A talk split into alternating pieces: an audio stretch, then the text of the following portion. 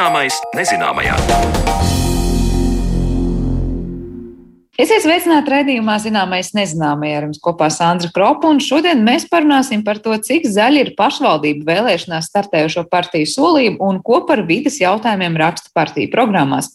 Raidījumā analizēsim situāciju kopā ar vadošajām vidas organizācijām Latvijā, taču pirms tam parunāsim par Startautiskā valūtas fonda pētījumu, kurā apliecināts, investēt zaļajā biznesā ir ekonomiski izdevīgāk nekā konvencionālajā. Šī gada pavasarī klajā nācis Startautiskā valūtas fonda ziņojums, kurā neapgāžam pierādīts, zaļās investīcijas rada ieguvumus gan ekonomikai, gan planētai kopumā. Īpaši uzsvērta šādu investīciju nozīme iekšzemes koprodukta pieaugumā. Kādā veidā to ir iespējams izmērīt un vai ir iekšzemes koprodukta rādītāji ir pietiekoši, lai novērtētu zaļo investīciju vērtību? Šos jautājumus tuvāk aplūkoja man kolēģe Mārijona Baltkalna. Startautisku organizāciju un universitāšu sadarbības rezultātā iegūtu datu kopa, kas ietver pārskatu par 40 valstu investīcijām gandrīz 30 gadu garumā. Tā varētu raksturot jauno Startautiskā valūtas fonda ziņojumu.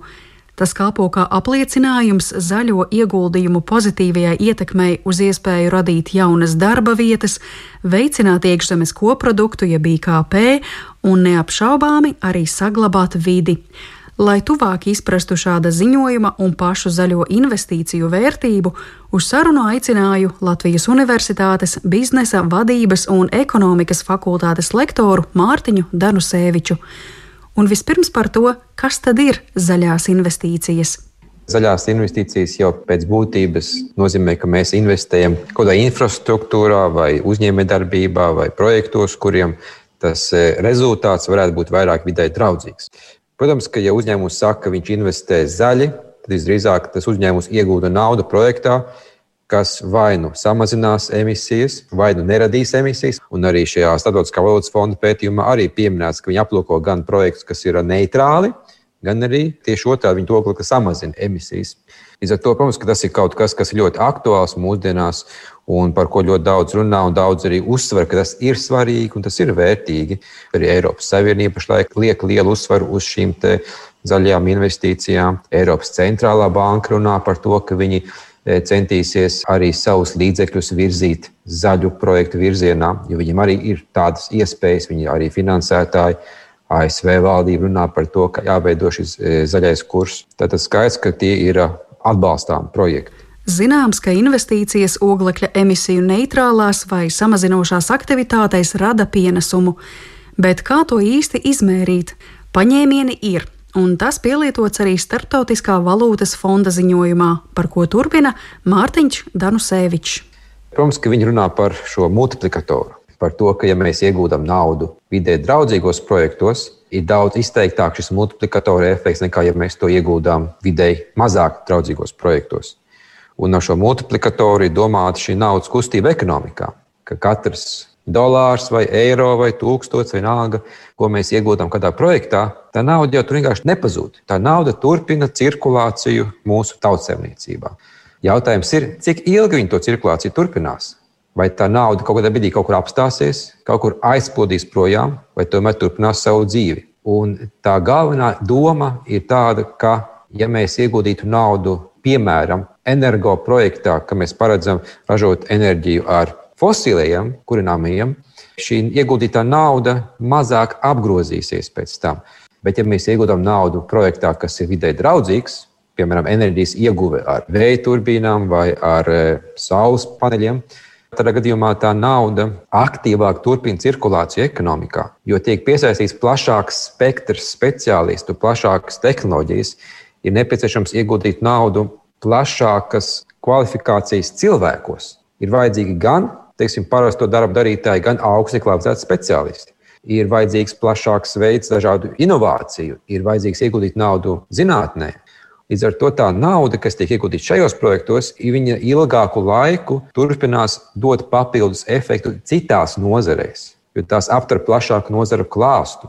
Zaļās investīcijas tiek investētas tajās jomās, kur mēs daudz ko neesam atklājuši. Tā esam atklājuši varbūt efektīvākus veidus, kā izmantot saules enerģiju, efektīvāks veids, kā izmantot geotermālo enerģiju.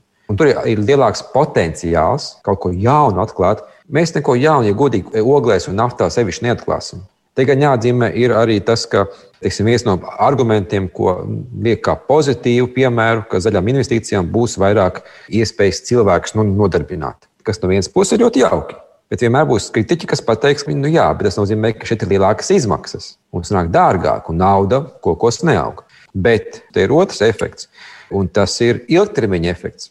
Ka ilgtermiņā šie vidas projekti parasti ir daudz izdevīgāki. Bet problēma ir tāda, ka cilvēki nav sevišķi pacietīgi. Mēs gribam tagad, uzreiz to peļņu, to ieguvumu. Vidē draudzīgi projekti to nesniedz. Bet e, skaidrs, ka bieži vien arī investors, kurš iegūda naudu, ja viņam jāizvēlās likt naudu vidē draudzīgā vai nedraudzīgā projektā, ja viņš būs mantikārīgāks, viņš dos priekšroku vidē kaitīgākam projektam, jo tas dos peļņu tagad. Līdz šim tātad esam runājuši par multiplikatora efektu naudas kustību ekonomikā, kas palīdz izmērīt zaļo investīciju vērtību. Taču pastāv vēl citas mērījumu pieejas, kas parasti izriet no pašu cilvēku viedokļa. Divas tādas klasiskās pieejas ir uh, vēlme maksāt un gatavība saņemt kompensāciju. Teiksim, kā lai mēs novērtējam tīru mežu kaut kādā teritorijā. Viens no veidiem ir, mēs varam pētīt cilvēkus un prasīt, cik jūs būtu gatavi maksāt par to, ka tas mežs paliek tīrs. Vai no otras puses mēs pasakām, mēs to mežu izcirtīsim, cik jūs gribētu kompensāciju par to. Un tas jau liek cilvēkam savā galvā novērtēt šo mežu. Bieži vien skatās arī pēc tā, cik izmaksātu teiksim, vidas kaitējumu novērst vai cik izmaksātu kompensēt to zudumu. Tas ir ļoti jauks piemērs, kas man patīk pašlaik, ir ar bitēm. It kā liekas, bites, nu, mazi radījumi, bet daudzi pārdzīvo to, ka bišu vidū ir šādas slimības izplatās, viņas ir daudz kur zaudētas. Bet, ja tam cik maksā tā bite mūsu ekonomikai, un to īsti tā saprast var tad, kad es uzzināju to, ka, teiksim, ir Ķīnā lieli ābeļdārzi, kur pēc bišu pazušanas cilvēki bija spiesti ar otiņām kāpt kāpnēm ābelēs un katru ziediņu ar rokām aputeksnēt. Tagad kaut kur tiek veidoti droni, kas aplido ābeles, lai tās aputeksnētu. Līdz ar to, ja mēs zinām, cik mums izmaksātu algot cilvēku bataljonu, kas staigā ar otiņu un e, aputeksnē ziedus, lai mums būtu raža, mēs zinām, cik mums ir vērtas naudā tās bites, ko mēs zaudējam. Tiedoms, kas ir lētāk, tērēt naudu, lai aputeksnētu katru ziediņu, vai uzturēt bišu populāciju, kas to dara mums pavelti. Tad mēs varam caur šādu analoģiju to cenu novērtēt. Šis ir brīnišķīgs piemērs tiešām, un uh, mēs līdz šim pieskārāmies, kā tās zaļās investīcijas tiek mērītas tajā, cik cilvēkiem būs darba vieta, un, protams, arī uh, attiecībā uz to, cik veselīga būs planēta. Tikko arī par bitēm runājam, bet vai šādos mērījumos būtu būtiski ņemt vērā arī pašu cilvēku veselību, labklājību, vai tas ir no svara? Tas ir no svara, un te arī ir tā problēma ar IKP. Ka, jā, šis pētījums saka par to, ka IKP pieaugs, tas ir jauki. Bet ekonomisti jau sen runā par to, ka IKP ir slikts rādītājs. Mēs izmantojam joprojām IKP, jo viņš ir vienkāršs un viņš saprotams. IKP parāda, cik konkrētā valstī kaut kas tiek saražots, preces un pakalpojumi. Plus eksports, mīnus imports. Bet problēma tāda, ka IKP neietver cilvēku dzīves kvalitāti, neietver cilvēku veselību un citas lietas, kas nav izsakāmas naudā. Ir alternatīvas, ir teiksim, HDI, Human Development Index, jeb cilvēka attīstības indeksu, ko izmanto, kurā mēģina ietvert šādus papildus rādītājus kā izglītība, veselība, vides kvalitāte un tam līdzīgi. Un skaidrs, ka mums uz to būtu jāiet, ka mēs censtos maksimāli IKP tomēr likt otrā plānā un klāt likt šos citus rādītājus. Jo, principā, arī to var izteikt naudā un mērīt. Cik valstī izmaksā ārstēt slimus cilvēkus, kas slimo ar respiratorām slimībām dēļ gaisa piesārņojuma? Mums dati varētu būt pieejami, un tā būtu tā cena, ar kur varētu vērtēt. Mārtiņš Danusevičs norāda, ka svarīgi būtu sabiedrībai globāli pāriet domāšanā no IKP uz plašāku dzīves kvalitātes skatu. Tas ir laika un politiskās gatavības jautājums, un tā varētu kļūt par mērauklu, pēc kuras mērīt valsts panākumus. Tomēr ir kāda būtiska nianse, kas pētījumā nav aplūkota. Pie ierobežot naudas līdzekļu visdrīzāk ja mēs mēģinātu teiksim, visus valsts pasūtījumus padarīt par vidē draudzīgiem, tad samazināsies tas, cik projekts valsts varēs atļauties. Un tā kā būs grūti izšķirties, jo skaidrs, ka būs cilvēki, kas teiks, ka mēs gribam labklājību tagad un negribam to gaidīt. Bet, e, ja mēs gribam būt vidē draudzīgi, tad mums jāsaka, jums tagad ir kaut kas jāupurē, lai nākotnē būtu labāk. vai mēs esam uz to gatavi kā sabiedrība upurēt šī brīža labklājību dēļ nākotnes labākas. Mēs saprotam, ka tā būtu pareizi, bet ja mums būtu tagad jāiet un jābalso, biežāk mēs nobalsot par to, lai mums būtu tagad labāk, nevis pēc 20, 30 gadiem. Un vēl jau būtisks faktors, vai mēs varam teikt, ka visas valstis var vienādi ieguldīt zaļajās investīcijās, lai gūtu to labumu. Un, ja tā domāju, Eiropa, Āfrika, uh, Indija, nu, tie tomēr ir taču atšķirīgi reģioni. Ir, un tepat arī ir paradoksi tajā, ka ir valstis, kuras eh, pat ir ieguvēji no klimata pārmaiņām.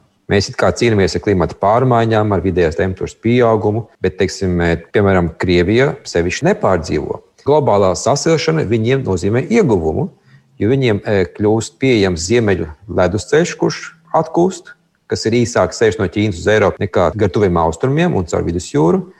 Viņiem samazinās izdevumi apkurei, un, un viņiem lielas teritorijas atbrīvojās no permafrosta, kas ļauj viņiem paplašināt lauksaimniecības teritorijas. Ja mēs skatāmies uz Ķīnu, kas ir valsts, kas ļoti strauji aug un ļoti strauji piesārņo, bet viņi var pateikt, piemēram, Cienījamie rietumnieki, jums bija iespēja pēdējo pusgadsimtu piesārņot, un tagad jūs būsiet vidē draudzīgi. Bet mums nebija iespēja pusgadsimtu piesārņot. Mēs gribētu noķert jūsu attīstības līmeni, un tāpat kā jūs piesārņot. Un tad mēs kļūsim vidē draudzīgi. E, jā, viņi tikai tagad sākuši augt, un viņiem tā izaugsmas fāze prasa resursus.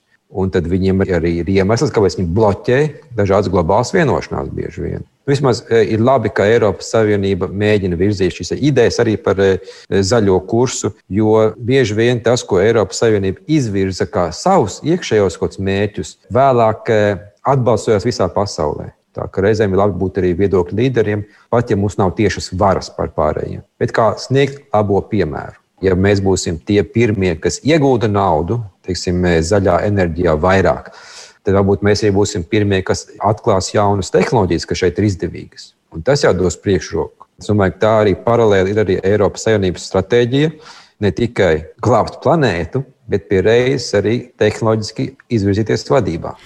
Covid-19 pēckrīzes periods būtu īstais brīdis motivēšanai par zaļo investīciju ilgtermiņa ieguvumu. Latvijā lielu daļu no valsts kopējās enerģijas sniedz hidroelektrostacijas, līdz ar to neesam tik ļoti atkarīgi no fosilā kurināmā. Tāpat notiek virzība uz vēja un saules enerģiju. Aktīvi tiek atbalstīta ēku siltināšana, bet grūtāk veicas ar atkritumu pārstrādi. Tomēr pakāpeniski, sabiedrību izglītojot, pārmaiņas ir iespējamas. Tas nebūs vienas nakts jautājums, tas būs paudzes jautājums. Un jaunā paudze to jāapzinās labāk nekā to apzinās iepriekšējās paudzes. Zaļo projektu ilgtermiņa nozīme, kā arī iespēja to izmērīt finansiāli, skaidroja Latvijas Universitātes biznesa vadības un ekonomikas fakultātes lektors Mārtiņš Danusevičs, ar kuru sarunājās mana kolēģa Mariona Baltkalna. Bet raidījuma turpinājumā pašmāju aktualitātes un pašvaldību vēlēšanas un partiju solījumu vides jautājumu risināšanā.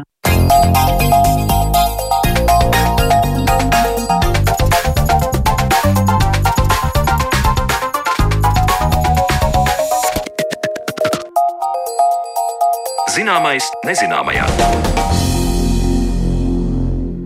Šo sestdienu visā Latvijā, izņemot Rīgu, iedzīvotāji ir aicināti vēlēt pašvaldību, un katram iedzīvotājam ir sava apsvēruma par labu vienam vai citam politiskiem spēkam. Taču viena no jomām, ko jau vairākus gadus pirms vēlēšanām analizē vadošās vidas organizācijas Latvijā, ir vidas jautājumi. Skaidrs, ka vairums Latvijas iedzīvotāji noteikti ir būtiski, ka dzīvot zaļā, veselīgā, drošā vidē, taču cik būtiski tas ir pašām partijām, to mēs skaidrosim atlikušajā raidījuma pusstundā, jo mūsu attālinātajā studijā tiekas trīs dažādu vidas organizāciju pārstāvi. Šeit esam kopā ar Pasaules dabas fonda Latvijas direktoru Jāni Rozīti, tāpat arī biedrības Zaļā brīvība vadītāju un Latvijas universitātes pētnieku Jānu Brīsku, kā arī Latvijas dabas fonda padomas locekli Lelde Eņģelu. Labdien jums visiem trijiem! Labdien! Labdien.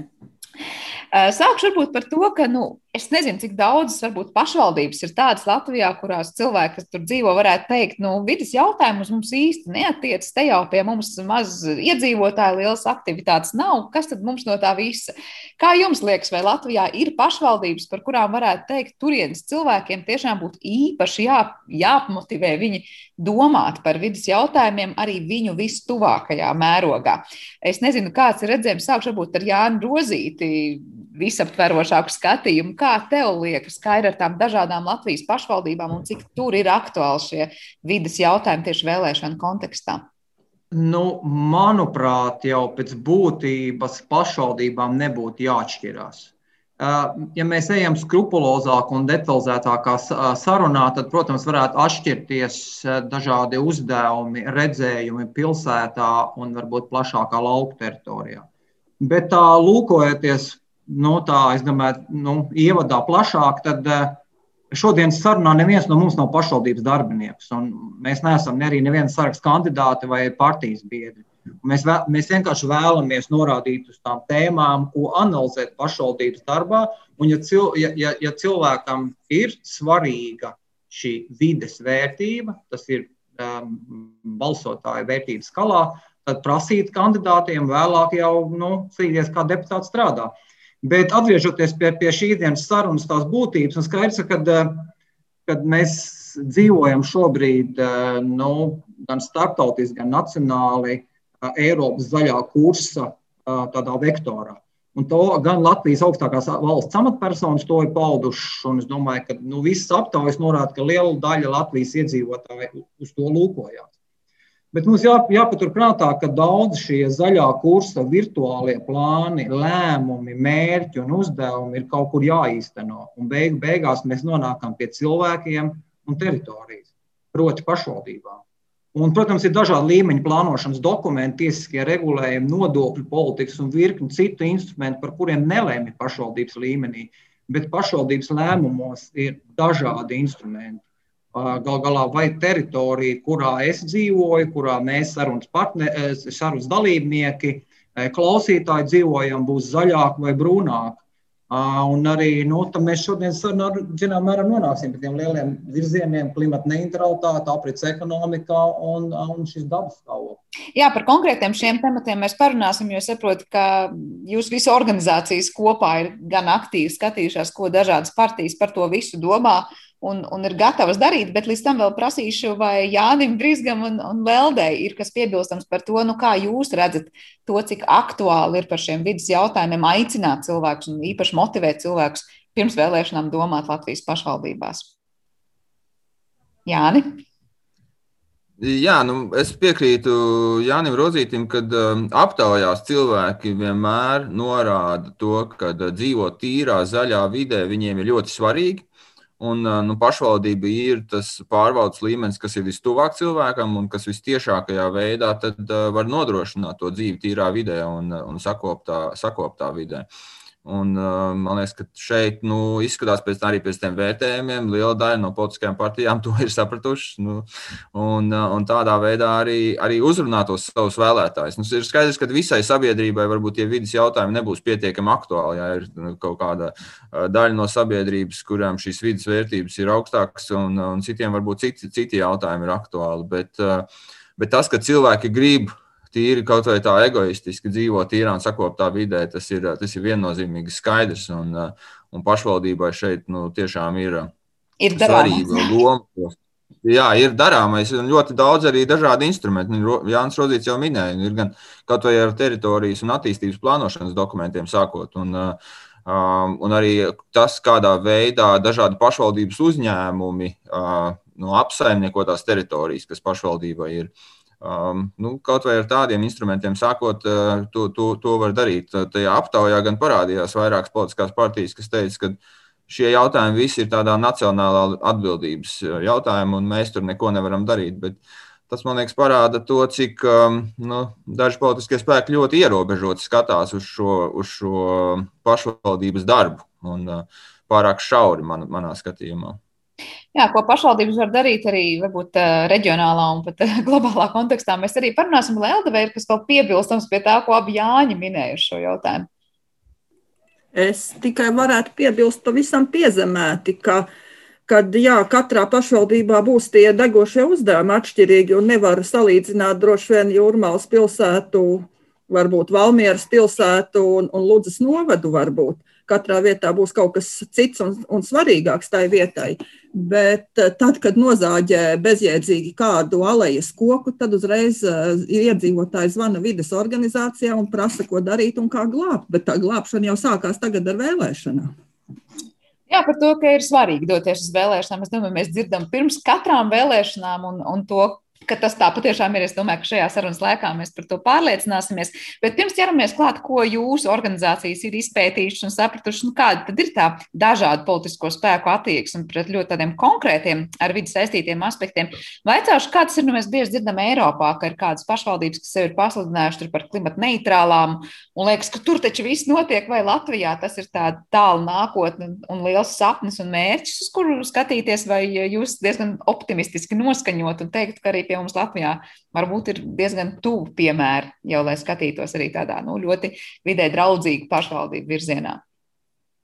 Jānis, varbūt, jā. jā, es varbūt varu, varu, varu sākt. Mēs, um, Nu, viena no tēmām, uh, kas mūsu skatījumā ir, ir, ir svarīga, ir um, aprits ekonomika, resursu efektīva izmantošana un uh, atkrituma apjoma mazināšana. Uh, Es esmu bijis um, arī daudz kur Eiropā, kur uh, tiešām pavisam maziņas un nelielas pašvaldības, uh, piemēram, Itālijā, ļoti aktīvi darbojas, lai mazinātu radītu atkritumu apjomu un uh, atteiktos no atkritumu dedzināšanas uh, kaut kādām iniciatīvām, kas viņām tiek piedāvātas ļoti aktīvi.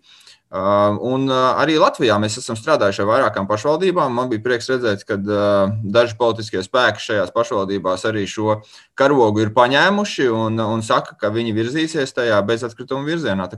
Es domāju, tās, um, tās tendences ir nu, vērojamas. Mēs neesam īpaši kaut kā radikāli atšķirīgi no citas pasaules.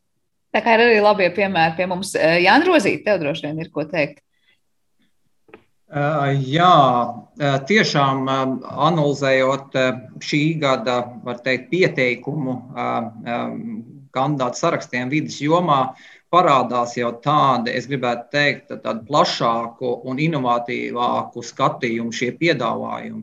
Un kas varbūt mums var skaitās, un tāda kā mēs lasām un priecājamies, jā, beidzot kaut kas tāds ir atnācis, un par to runā kandidāti, kandidāti saraksti.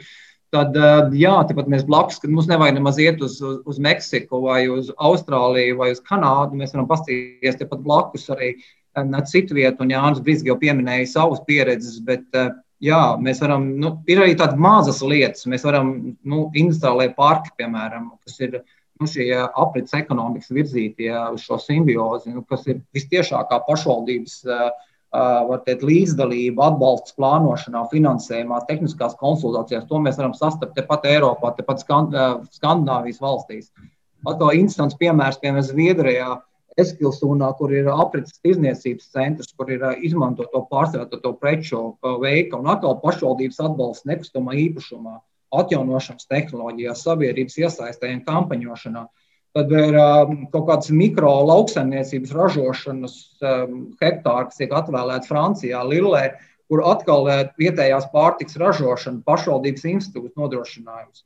Un tad, protams, tevis pieminētie klimata neutralitātes pašvaldības, kas nu, tiešām ir nu, visplašākā mērā pāršaukuši Eiropu. Un, ja Latvijā pašreiz tikai dažas pašvaldības tā uzmanīgi runā par, par 50. gadu, tad eh, nu, mēs varam paņemt piemēram to pašu Šveici, Bāzeli, kur uz 2030. gadu ir šī klimata neutralitāte nosprausta, un uz 50. gadu ir paziņots, ka četras reizes tiks samazināts par personu šīs emisijas oglekļi. Nu, tādi ļoti fundamentāli un ambiciozi mērķi, un tiešām tās, tā dažādība, kā šobrīd eh, pašvaldības strādā Eiropā, ir nu, nu, milzīgi liela. Un teikt, ka Latvija to nevarētu. Protams, Latvijai būs savas tās, varbūt, tās prioritātes un, un tās aktivitātes, bet, bet kāpēc to nevarētu arī nu, tie paši mūsu Limbaģi, Jelgava, Ventspils vai, vai, vai Lūdzen? Nu, tas tiešāk mērā tas ir tikai un vienīgi vēlme un gribas spēks. Ja jautājums par tevis piesaukto bāzeli vai to, ka šie ambiciozie mērķi tiešām neapstājas tikai pie tā, ka pašvaldībām Eiropā ir ambiciozi mērķi, bet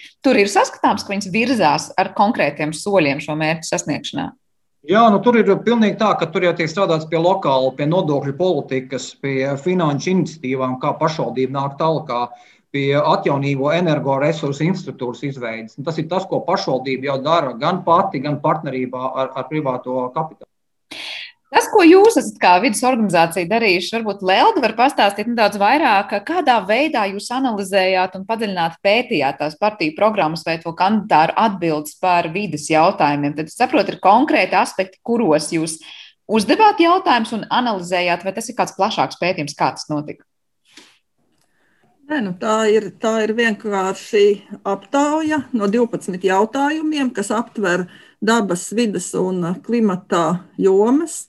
Un šos jautājumus nosūtījām visiem sarakstiem. Nu, atbildēja, tā tagad precīzi nepateikšu, mazāk kā puse. 55, jā, gan arī vai puse. Jā. Tā kā tas ir tāds trauksmes zvans jau pirmais, ka varbūt puse tikai ir gatava vispār diskutēt un atbildēt par vidas jautājumiem. Kāda ir tā jūsu kopējā sajūta pēc tam, cik atvērti vispār šie politiskie spēki ir šīm debatēm? Nu, Tagad būtu jātaisa otra aptaujā un jājautā, kāpēc neatbildēja. Nepamanīja, nebija laika, nepadomāja, negribēja. Nu, es... tie, tie, kas ir atbildējuši, ir nu, viena daļa, ir diemžēl atķeksējuši pliku nē vai jā, bet lielākā daļa ir centušies un daži tiešām atbildējuši no sirds. Un, Lūk, un tad mēs par katru jautājumu, ja ir iz, atbildējis izvērsti un pamatoti, devām divus punktus. Ja ir kaut ko sola darīt eh, tajā virzienā, tad vienu punktu. Un, ja galīgi nekas nav, vai ja ir galīgi šķērsām, tad ne, neko. Bet nu, es eh, arī gatavoju šos apkopojumus lielai daļai sarakstu. Un tad es eh, apzinīgi gāju cauri arī programmām, jo tad atklājās arī interesanti, ka daži saraksti ir vai nu bijis cits aizpildītājs nekā programmas autors, vai nepadomāja. Jo aptaujā ir atbildējuši daudz sliktāk nekā ir programmā. Un it kā programma tomēr tā kā spēcīgāks ierocis. Un tad mēs likām klāt arī labās tēzes, ko sola vidas jomā programmās darīt. Kādi ir kopsecinājumi par šīm dažādām politisko spēku nu, atbildēm un interesi abiem jāņem jautājums no jūsu puses, vēl tikko minēja to savu sajūtu.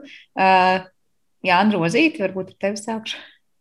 Uh, nu, es gribētu teikt, ka uh, sajūtas ir. Nu, mēs gan arī bijām daudz vērtētāji, un mēs arī centāmies savstarpēji saskaņot, uh, saskaņoti vērtēt. Un, es gribētu teikt, ka varbūt pat beig, beigās, kaut arī šie punkti nav daudz, un atklāti sakot, nu, lūkojoties mums profesionāli šīm vidus jomām, mēs sagaidītu vairāk, bet es domāju, ka mēs kā vērtētāji pat šoreiz bijām diezgan pretīm nākoši. Un, uz dažiem, dažiem, dažām atbildēm varbūt mēģinājām viņas pozitīvāk izprast un, un, un varbūt pat, labāk novērtēt, nekā tas, nekā, nekā tas nekā tam būtu jābūt. Un skatīsimies, kādas būs nākamajās vēlēšanās. Bet, jā, nu, zināmā mērā tās tās, tās jomas un tie virzieni nosacīti atkārtojās, un, un sākotnēji jau kolēģi pieminēja, un tās ir tāpat atkrituma joma, kas ir aktuāla. Tā ir, tas ir jautājums par zaļo iepirkumu. Šur tur parādās pesticīdu jautājumi. Nu, pēc būtības tas, par ko šobrīd aktuālāk tiek, ir diskusijas plašākā sabiedrībā, kaut kur vairāk vai mazāk spoguļojās arī šajās kandidātu programmās. Uh, Bet atgriežoties pie paša sākuma, pie jautājuma par to apjomu, tiešām mums ir nu, bijis vairāk par 150 sarakstiem, kas atbildēja. Un tie ir nepilni 50%. Un, un, un to noteikti var uzskatīt par nu, no, vien, vien, no vienas puses pozitīvu apjomu, bet no otras puses mēs nu, domājam, ka tas ir no nu, tie neatbildējošie. Mēs, protams, varam vērtēt to par signālu, kas ir par patiesu attieksmi pret vidas jautājumu aktualitāti un plašāk lūkoties par sadarbību ar pilsonisko sabiedrību.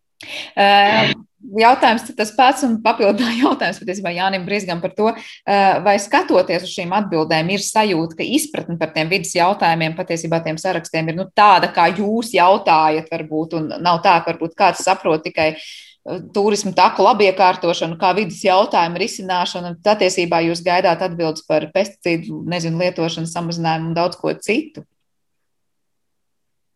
Jā, nu, Lieldi jau nedaudz ieskicēja to, ka arī vienas partijas ietvaros, un daudzas ir tādas nu, nacionālās partijas, kurām tad ir kandidāti dažādās vietās kandidē.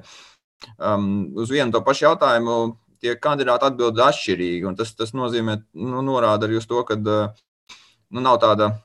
Nu, šie jautājumi nav diskutēti tādā partijas, partijas ietvaros tik plaši, un varbūt nav tā nav saskaņoti starp dažādiem, dažādām pašvaldībām un dažādiem sarakstiem. Un kā jau, kā jau kuram, cik kuram būs svarīgi tā, tā, tie, tie jautājumi, tik viņi arī droši vien arī tiks ievēlot šos cilvēkus. Nu, neskatoties to, ka viņš ir programmā rakstīts, nu, ja viņam tas nav svarīgi, viņš arī to ne, nespēs virzīt uz priekšu tīri cilvēciski. Bet uh, ir arī tā, ka daudzi no.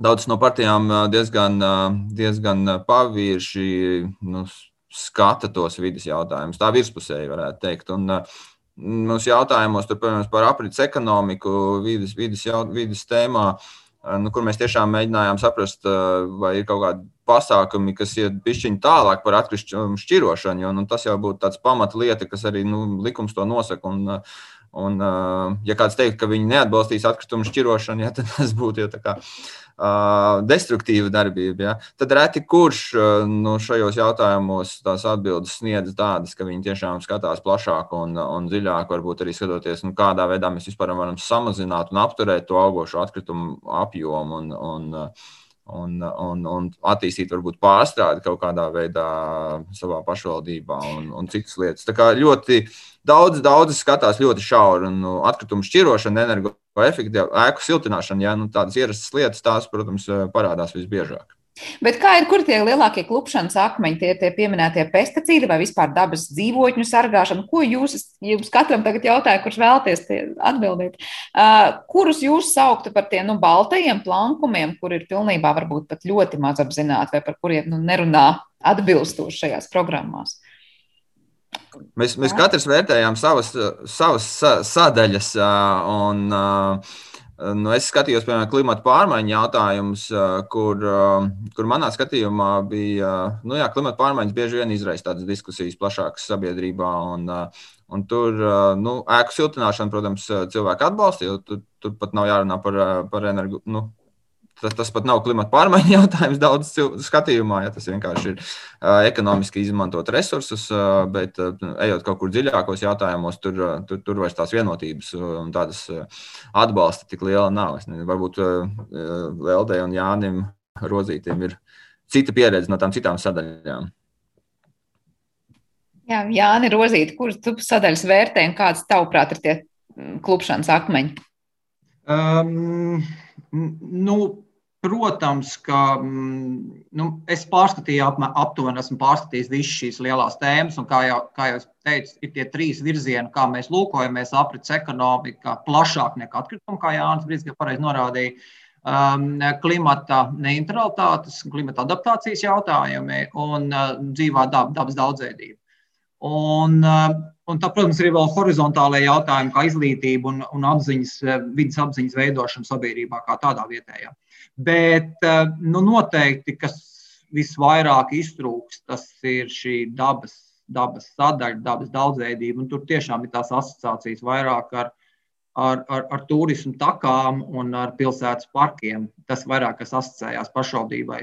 Un, ja mēs, kaut arī šodien, laikam, mēs nu, nerunāsim ne par vienu partiju konkrēti, ne par kādu pašvaldību konkrēti, bet atceroties jau pagātni, un laikam par to var runāt, atceroties pagātnē ērgļu gadījumu un meža apsaimniekošana ērgļos, kas pirms dažiem gadiem ļoti pāršauca vides speciālistu, dabas speciālistu sarunās, un pat mežkopji nedaudz brīnījās par tik intensīvu īpašuma, īpašumā koku ciršanas plānošanu, kas norāda par to, ka nu, mēs pat sagaidītu, ka pašvaldība sāktu ar savu īpašumu.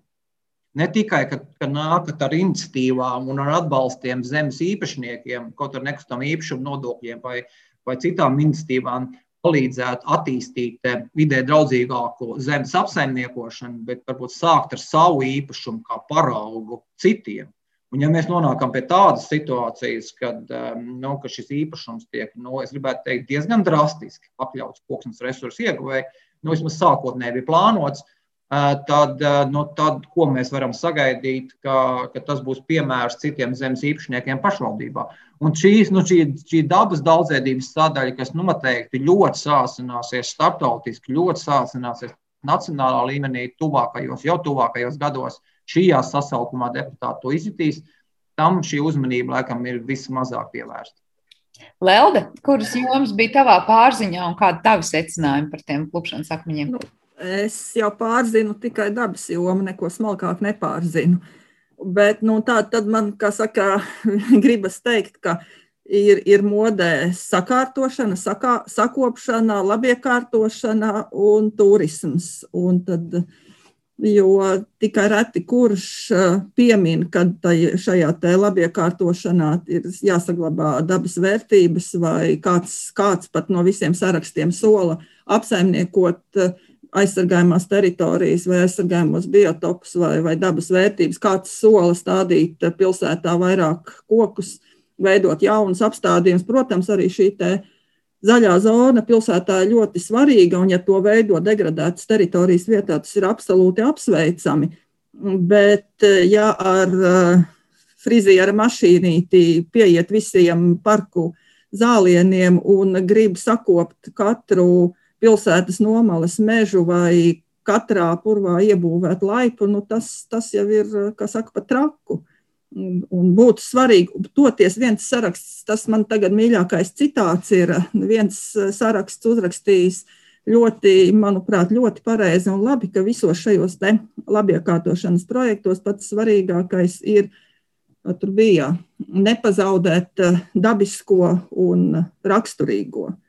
Un tiešām katrs, katrs kvadrātmetrs dabiskas dabas ir vērtība, un būs ļoti daudz gadījumu, kur no objektīvi būs jāpieņem smagi lēmumi un jāatsakās no šīs dabas. Bet pats svarīgākais ir ar prātu izvērtēt. Un dobumains koks, kurš nevienam nekrīt uz galvas, ir absolūta vērtība. Un arī tad, kad parkā nokrīt resns sūnains koks, nu viņš nav nekāds atkritums. Atstāja smuki kā dekoratīvu elementu, var apsēsties, un kukainim būs kur dzīvot, ķērpim, putniņam.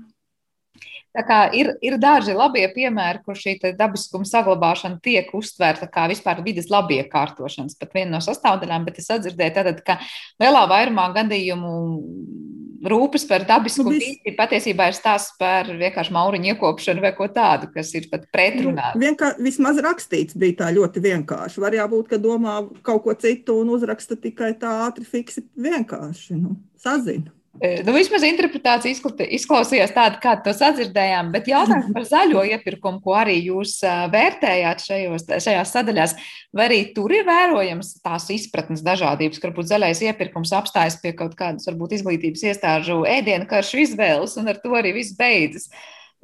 Nezinu, kuram no jāņem šī sadaļa bija jūsu kompetencē.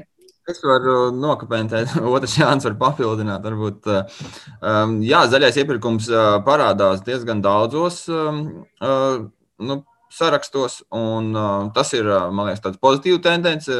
Nu, partijas ir uh, ievērojuši, ka tāds zaļais iepirkums ir un ka tas ir labs instruments, kādā veidā to izmantot. Bioloģiskā lauksaimniecība ir viena no populārākajām lietām. Nu, iespējams, tā ir tikai tāda retorika, ko politiskie spēki ir apgūši un, un tagad izmanto. Mums, protams, būs jāskatās, kādā veidā tad, uh, tie solījumi, ja, kas, tad, uh, kas tad ir doti, reāli tiks pildīti. Bet, uh, tādā, nu, tādā valodas līmenī, tās zaļais iepirkums, bioloģiskā, atbildes bioloģiskā lauksainiecībā un tādām lietām ir gana, gana, gana populārs. Nu, tas iet pāri, nu, tur nav tikai kreisie vai labie spēki. Ja, politiskais, dažādi politiskā spektra partijas šo, šo instrumentu piesauc. Vismaz tajos savos, savos tekstos. Mm -hmm, paldies, Jānis Rozīt, papildinās. Jā, es par, par, to, par to Jāņa komentāru, kā tas notiks tālāk. Es domāju, ka šie solījumi pārtaps realitātē, ja zinām mērā tas ir atkarīgs arī no tā, kāda būs šī iedzīvotāja interese. Cik kritisks un analītisks būs iedzīvotājs un kāds būs tas pieprasījums. Un, ja, ja spēs vēlētājs turēt pie solījuma šos, šos, šos sarakstu kandidātus, tad nu, kaut kam būtu jāmainās kaut kad. Bet tas, protams, tas ir tādā evolūcijas procesā. Uh, Bet jā, tie iepirkumi, protams, ka mēs eh, varētu sagaidīt, ka tie iepirkumi būs visplašākie. Un, ja mēs skatāmies uz, uz to, kādā veidā arī tajā pašā aprits ekonomikā um, var līdzdarboties pašvaldība, tad, nu, protams, ka viens ir šis zaļais iepirkums, un, un, un, un, un mēs varētu sagaidīt daudz aktīvāku un plašāku šo līdzdalību. Bet tiešām tā, kā tu ieteici, tā arī ir lielākais, no tā lielākā vīzija zaļā iepirkumā pašvaldībās ir saistīts ar, ar, ar, ar pārtikas nodrošinājumu skolā Un, un, un tas, tas, kas nedaudz izbrīnīja, arī nu, nereti jau arī šie atbildžu sagatavotāji varbūt arī ne ļoti pārzina par šo zaļo iepirkumu. Viņi min zaļais iepirkums, bet viņi skaidro, ko tas nozīmē. Viņi saka, vietējā pārtika nepasakot patiesībā, kāda būs šī kvalitāte, no nu, cik tas būs bioloģiski un tam līdzīgi. Viņi vienkārši nosauc vietējo, jau asociēties, ka tā būs nu, zaļā karotītes atvainojot. Jā, tā kā, kā... Tur arī no, nu, virsraksts ir kā skaidrs, kā Jānis teica, bet tas saturs pat brīžiem nav skaidrs eh, šiem Tas izkristalizējas tātad šajās atbildēs, ka tā izpratne par to, kas ir šis zaļais iepirkums, pat arī dažkārt var būt ļoti, ļoti nu, nepilnīgs, teiksim tā. Pamazām noslēdzot šo sarunu, vēl pavisam īsi, varbūt jūs varat komentēt. Es saprotu, ka par pesticīdiem izteikti maz vispār kādu no politiskiem spēkiem ir gatavi ko runāt vai darīt. Un jautājums, kāpēc tas tā ir? Vai jums varētu teikt, ka nu, jā, mums ir nevēlēšanās, tad pēc tam nezinu, uzņemties atbildību par saviem vārdiem un, un, un darbiem vēlāk? Jāni? Jā. Es domāju, ka tā īsa atbilde ir tā, ka nu, tiešām mums ir jāsaprot, un mēs paši esam analizējuši, un mēs skatāmies tiešām gan normatīvo vidi, kādā pašvaldība var strādāt. Un, eh, un mēs esam pārnājuši arī ar, ar, ar, ar, ar pašvaldību darbiniekiem, kāda, kādas tās robežas. Un es domāju, ka skaidrs, ka nu, paziņot, ka kādā teritorijā nebūs pesticīdi, nu, tas pašvaldībai nav tik vienkārši īstenojams. Eh, protams, ka pašvaldība var nākt pretīm, var organizēt dažādas informatīvas pasākumus, izglītības pasākumus, runāt ar šiem zemniekiem. Nu, ir opcijas, kā, kā tu vari lapicīgi mainīt šos nosacījumus. Uh, Bet nu, nu, noteikti, nu, noteikti šo aizliegumu, nu, tas ticamāk, ka ir nu, citi instrumenti nepieciešami šāda rakstura uh, pasākumiem. Un, un tāpēc arī mēs varbūt ne tik ļoti skatāmies arī vidas organizācijas uz šīm pašvaldībām. Mēs varam skatīties nacionālā līmenī gan uz nodokļu uh, sistēmas izmaiņām, gan uz kaut kādām politiskām, um, politikas plānošanas dokumentiem un vispār atbalsta sistēmu bioloģiskā lauksaimniecībā. Tā kā neprasīt no pašvaldībām tajā brīdī to, ko varbūt no tām pat īsti nevar prasīt, vai Lēlēlim otram Jānim būs kas piebilstams pie šī vēl. Es varu piebilst par pesticīdiem, ka patiesībā ir daži saraksti, kuri nu, nesaka, ka aizliegs, bet saka, ka cīnīsies par to, lai pašvaldība ietilptu uh, konkrēti Gaujas Nacionālais parks, pat ne visa pašvaldība, bet tā ideja ir par Gaujas Nacionālo parku, tur ne, neviens saraksts un neviena pašvaldība, bet ir dombiedru grupa, tas, tas arī dažos sarakstos bija minēts.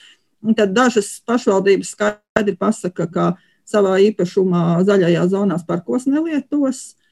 Un, jā, e, ir saraksti, kuri saka, ka mēģinās runāt ar lauksaimniekiem un diskutēt un, un kaut kā izglītot un, un censties mazināt lietošanu. Bet toties viens saraksts pasaka tieši, ka lielos lauksaimniekus netraucēsim. Nezinu, nu, ko viņš ar to domāja. Pavisam noteikti ir skaidrs, ka dodoties uz vēlēšanām, tiem, kam tas ir šajās pašvaldībās, tad dzīvojam, kur šīs vēlēšanas šajā brīdī aktuāls, ir vērts precīzi un detalizēti palasīt šīs programmas un palasīt arī jūsu secinājumus. Pavisam īsi jums pat tiešām ir dažas minūtes laika tikai jūsu katra, nezinu, vēlējums vai, vai, vai ceļa vārdu cilvēkiem, kuriem sestdien ir jādodas nedēļas nogalē uz vēlēšanām. Ko teiksiet, kāpēc teiksiet un kam pievērst uzmanību? Sākšu pat Jānis Brīsgartē. Jā, nu es nu, ieteiktu cilvēkiem apstīties šo zaļo barometru un mūsu vērtējumu, to partiju atbildes. Bet ar, ar to vēl nepietiek. Es domāju, ļoti svarīgi pēc tam tiešām ir sekot līdzi tam, vai šīs partijas ievēro tos, tos, tos dotos solījumus. Tās, kas tiks ievēlētas, nu, tad turiet viņus pie vārda. Paldies, Lelde! Jānis jau viss pateica, grūti ko piebilst. Es tikai varu vēlreiz teikt, ka pilnīgi noteikti ir jāiet eh, vēlēt. Un eh, jāizmanto tas pēc tam, ka daudzas partijas sola ļoti aktīvi iedzīvotājs pēc tam iesaistīt pašvaldības darbā un lēmumu pieņemšanā. Tā kā ar vēlēšanām viss tikai sāksies. Un pilnīgi noteikti ir jāiet un jāvēl. Paldies, un Jānis Rozīt, to noslēdzošais vārds. Jā, ja, ja tiešām um, cilvēkam rūp vide, tad noteikti jāiet uz vēlēšanām. Tur vispār nav šaubu. Tam ir, tas ir milzīgi liels pasākums vides saglabāšanā. Un mēs varam katrs savā mājsaimniecībā dažna, dažādas paradumus ieviest, bet ja mēs nemainīsim konkrētās teritorijas apsaimniekošanas nosacījumus vai nacionālā līmeņa jautājumus, tad nekas nemainīsies. Un otrkārt, esiet kritiski. Pirmkārt, esiet kritiski un neskatieties uz to, ceļš pašvaldības līmenī, ka kaimiņš ir foršs, vai, vai kolēģi skaisti un forši, un par to es arī balsošu. skatieties tiešām uz šīm kvalitātēm, un ja jums ir jūsu vērtības skalē vide, tad pievēršiet tam pastiprinātu uzmanību. Paldies, paldies par gan šiem ieteikumiem, gan tādiem nu, ļoti lielās līnijās kopsavilkumu, ko sniedzāt šajā raidījuma pusstundā par to, ko esat izdarījuši. Vai darbs tiešām pamatīgs. Ar to tātad cīkāk var iepazīties zaļais barometrs tātad vietnē un, un pasaules un dabas fonds un Latvijas dabas fonds un Zviedrības zaļā brīvība aktīvi pie tā visu kopā strādājuši. Atgādināšu, ka šajā raidījuma pusstundā dzirdējām Pasaules dabas fonda Latvijā direktoru Jānu Rozīti, biedrības zaļā brīvība vadītāju un Latvijas universitātes pētnieku Jānu Brīsku, kā arī Latvijas dabas fonda padomas locekli Lelvi Eņģeli. Un eh, šis raidījums līdz ar to ir izskanējis, par kuru parūpējās producenta Paula Gulbinska un mūzikas redaktors šai stundai bija Girds Bišs, savukārt ar jums kopā bija Sandra Kropa. Šo raidījumu tāpat kā citus varat klausīties arī populārākajās podkāstu vietnēs. Uz tikšanos!